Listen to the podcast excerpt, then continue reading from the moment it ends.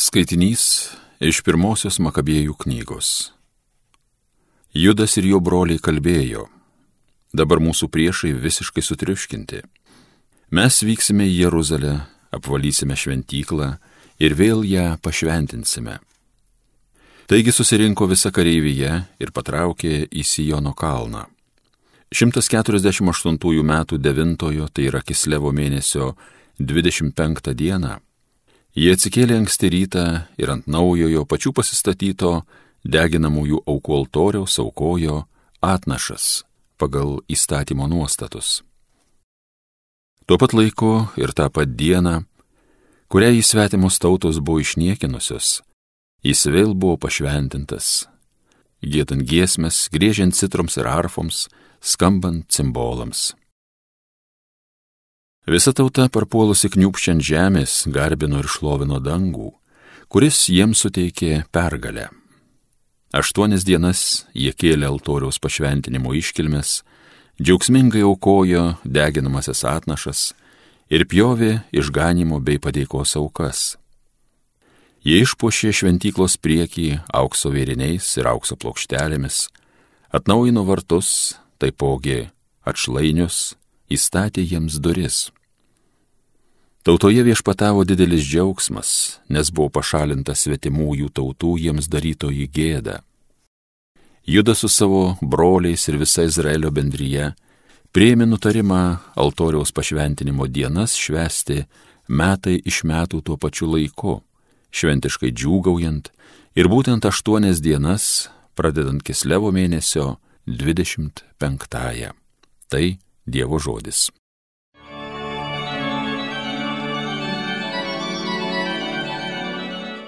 Garbė tavo šventajam vardui viešpatie. Šlovė tau viešpatie mūsų tėvo Izraelio Dieve, kai buvo nuo amžių, te bus ir per amžius. Garbė tavo šventajam vardui viešpatie. Tavo didybė, galybė, šlovė, spindesys ir aukštybė. Tavo gyvisa, kas tik danguje ir kas žemėje. Garbė tavo šventajam vardui viešpatie. Viešpatie, tavo yra karalystė, tu lyg galva viršum visko iškilus. Garbė tavo šventajam vardui viešpatie. Turtai garbė iš tavęs ateina, tu viešpatauji visatai. Tavo rankose jėga ir stiprybė, tavo rankose valdžia ir didybė.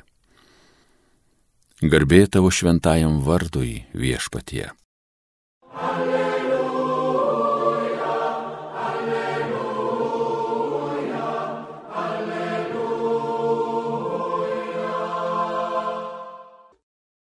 Mano susavys klauso mano balso, sako viešpats, aš jas pažįstu ir jos seka paskui mane.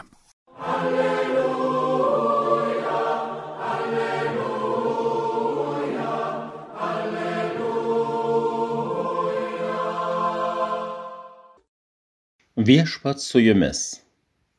Iš Ventosios Evangelijos pagal Luką. Įžengęs į šventyklą, Jėzus pradėjo varyti laukan prekiautojus. Jis sakė jiems, parašyta, mano namai turi būti maldos namai, o jūs padarėte juos plėšikų lindinę. Ir jis kasdien mokė šventykloje. Aukštieji kunigai ir rašto aiškintojai bei tautos seniūnai svarstė, kaip jį pražudyti. Tačiau neišmanė ko griebtis, nes visi žmonės tik ir klausėsi jo mokslo. Tai viešpaties žodis.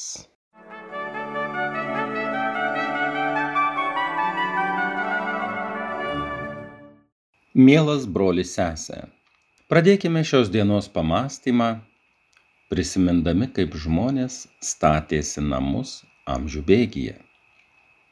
Seniausius tvirtus pastatus žmonės statė iš akmens, Tai buvo labai lėto, sunkaus ir kantraus darbo rezultatas.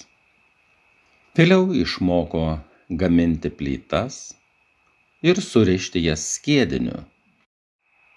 Taip buvo daug greičiau ir lengviau išgauti reikiamas formas. Dar vėliau pradėta statyti namus iš gelžbetonio plokščių ir blokų. Darbas dar labiau paspartėjo. Dabar mėgstama statyti monolitinius gelžbetonio namus. Tai labai palengvina darbą, nes nereikia vargti su sunkiais blokais, jų kilnojimu ir pritaikymu, patogu ir tvirta. Tačiau paties namo savitumas priklauso ne nuo to, kaip ir iš ko jis pastatytas, bet nuo to, kam jis skirtas. Tai gali būti gyvenamas namas, parduotuvė, gamykla, ligoninė, sporto rūmai ar mokykla ir taip toliau. Maldai skirtas pastatas turi ypatingą reikšmę - tai Dievo namai, kuriuose jam skiriamos maldos ir atnašaujamos aukos. Pirmajame skaitinyje girdime, kaip liūdėjo Dievą mylintys žmonės, dėl blogos valios žmonių netekę Dievo namų ir kaip jie džiaugiasi vėl atšventinę išniekintą šventovę.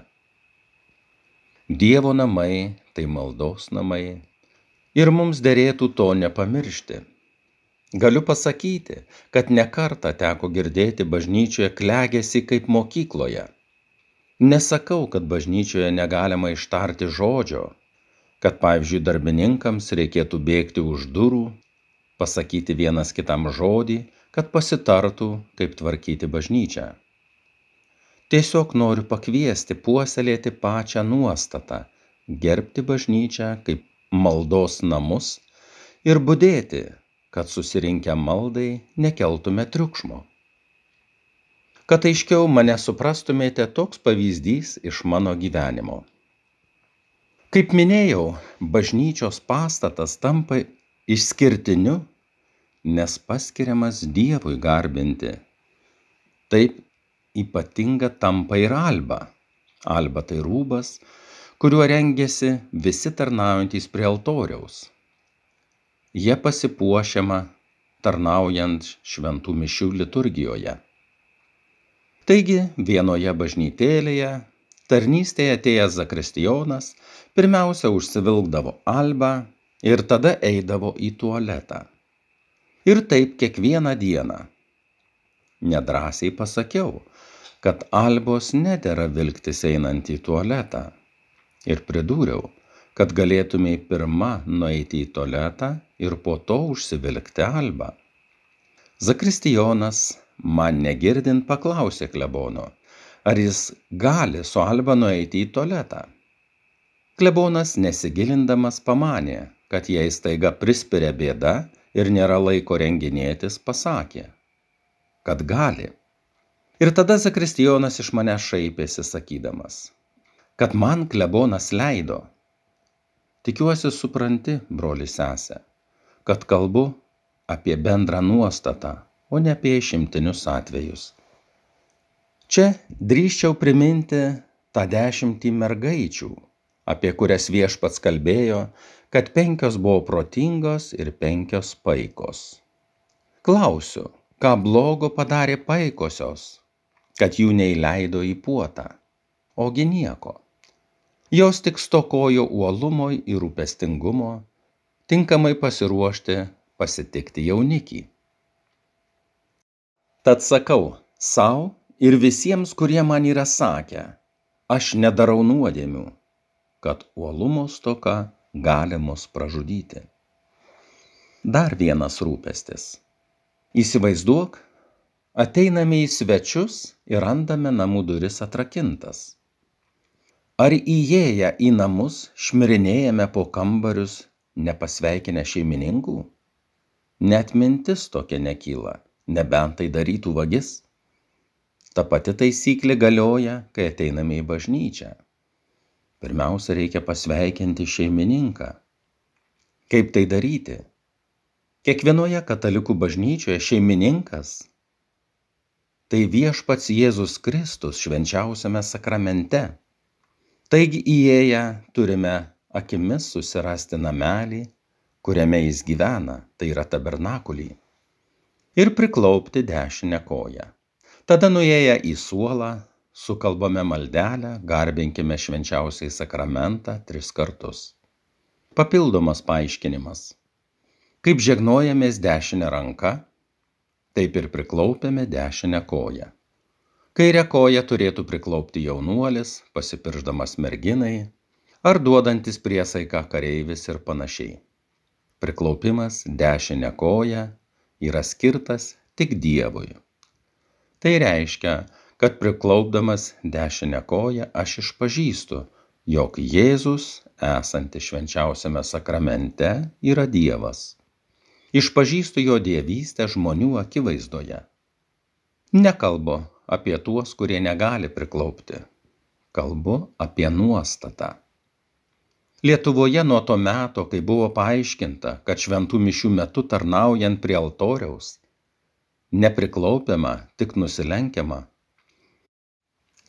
žmonės pradėjo praktikuoti nusilenkimą ir ne mišių metu, tai yra ateidami ir išeidami iš bažnyčios. Vienos kelionės metu išbuvau Lenkijoje, Čenstachavos bažnyčioje šešias valandas. Nemačiau nei vieno brolio Lenko, kad praeidamas pro tabernakulį nusilenktų, visi priklaupdavo. Ar pas mus tiek daug ligonių? Taigi į bažnyčią ateiname dėkoti Dievui švęsti Eucharistiją. Bažnyčioje Dievas mums teikia ramybę, kurią turime įsileisti į savo širdį. Ši ramybė išlieka visur, kur beitume. Parsineškime ją į namus, gamyklas, ligoninės ir mokyklas. Viešpatie Jėzau, suteik uolumo tinkamai pasiruošti kiekvienam susitikimui su tavimi. Amen.